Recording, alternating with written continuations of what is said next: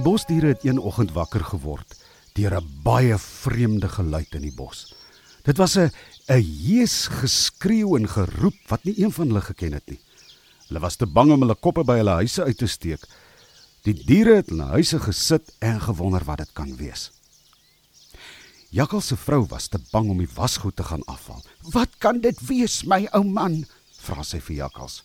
Nee, my vrou, hoe moet ek weet? Ek het nog nooit so iets gehoor nie. Ek gaan ook nie kyk wat dit is nie. Mani Meerkat en sy gesin het ook in hulle huise gebly. Dit moet 'n baie gevaarlike monster wees wat so maak, sê Mani. Ek dink nie daar's een dier wat wil gaan kyk wat dit is nie. Oupa Uil het hoog in die bloekomboom gesit en ook die vreemde geluid gehoor. Hy maak sy een oog oop en sien daar is nie 'n dier in die bos wat rondloop nie. Hm. Nou wat kan dit wees? wonder hy. Hier is mos nie 'n dier in ons bos wat so geluid maak nie. Hy maak sy ander oog oop en kyk om hom rond, maar hy sien niks. Net toe kom Tilly Tink Tinkie by oupa Uil sit. Oupa Uil, sê Tink Tinkie, wat gaan aan in die bos? Die diere is vreesbevange. Nie een van hulle wil uit hulle huise kom nie. Wat is dit wat so 'n vreemde geluid maak hier in die bos?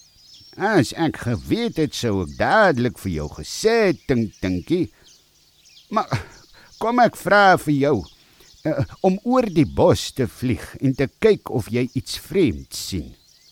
Sê nou maar dit is 'n monster wat kan vlieg. Sê nou net die monster vlieg hoog in die lug op en vang my wanneer ek hom raak sien. Vra Tink Tinkie bekommerd. Nee, ek dink nie iets wat so 'n harde geluid maak kan vlieg nie, Tink Tinkie, antwoord oupa uil. Jy's in elk geval so klein. Niemand kan jou sien as jy hoog in die lug vlieg nie. Nee, wat? Jy kan maar regtig gaan vlieg en kyk. Ons wil almal graag weet. 'n Vlieg en gaan kyk jy so lank en ek gaan nou na koning Louis toe om te hoor wat hy sê. En daarmee vlieg Tink Tinkie hoog in die lug op. Op 'n uil het sy vere reg geskit en na die groot plat klip toe gevlieg. Koning Louis was ook al wakker en het op die plat klip gestaan en ver oor die vlakte van die bos uitgekyk. "Wat kan dit wees, oupa uil?" vra koning Louis toe oupa uil langsom op die plat klip gaan sit. "Wie majesteit?" antwoord oupa uil.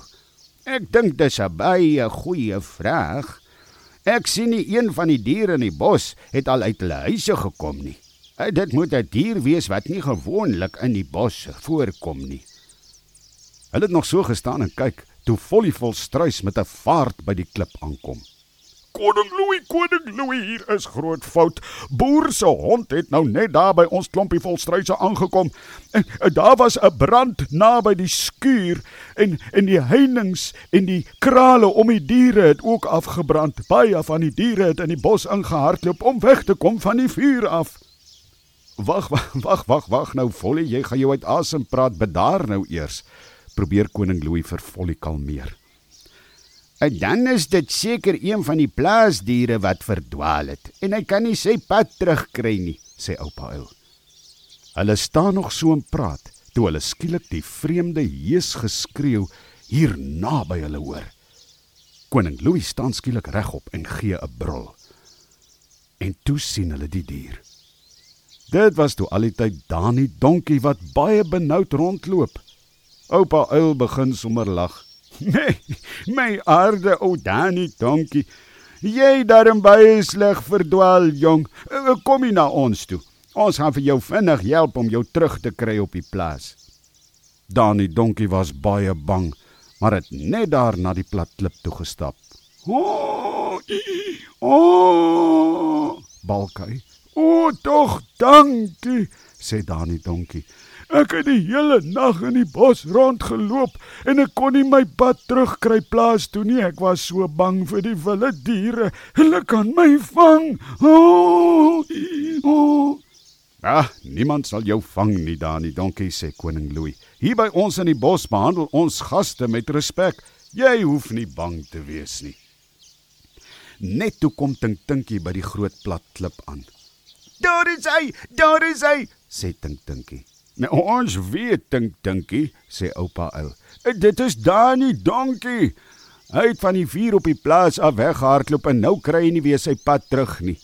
Uh, vlieg jy nou stadig voor Dani donkie uit dink dinkie dan lei jy hom terug plaas toe. En kyk baie mooi dink dinkie, sê koning Louis. As dier of cheetah of een van die ander hyenas naby hom kom, moet jy vir hulle sê ek koning Louis het gesê as enige dier vir Dani donkie enige leed aandoen, sal hy uit die bos verban word. En daarmee is die twee daar weg, terug plaas toe.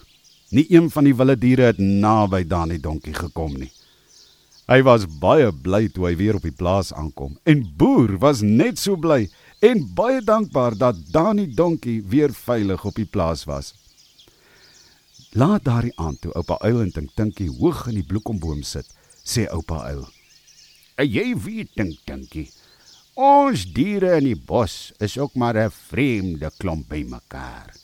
"Hoe dan so, oupa Uil?" vra Tink Tinkie. "Nee, Ek dink nou maar so, sê oupa uil en maak sy een oog toe. Die diere dink altyd dit is sleg om in die bos te bly. Hulle dink altyd die plaaslewe is baie beter. Maar nou sien ons met die brand en dan die donkie wat verdwaal het. Ons is eintlik so veilig en vry hier in die bos. Ons moet net 'n bietjie stil sit en waardeer wat ons hier het.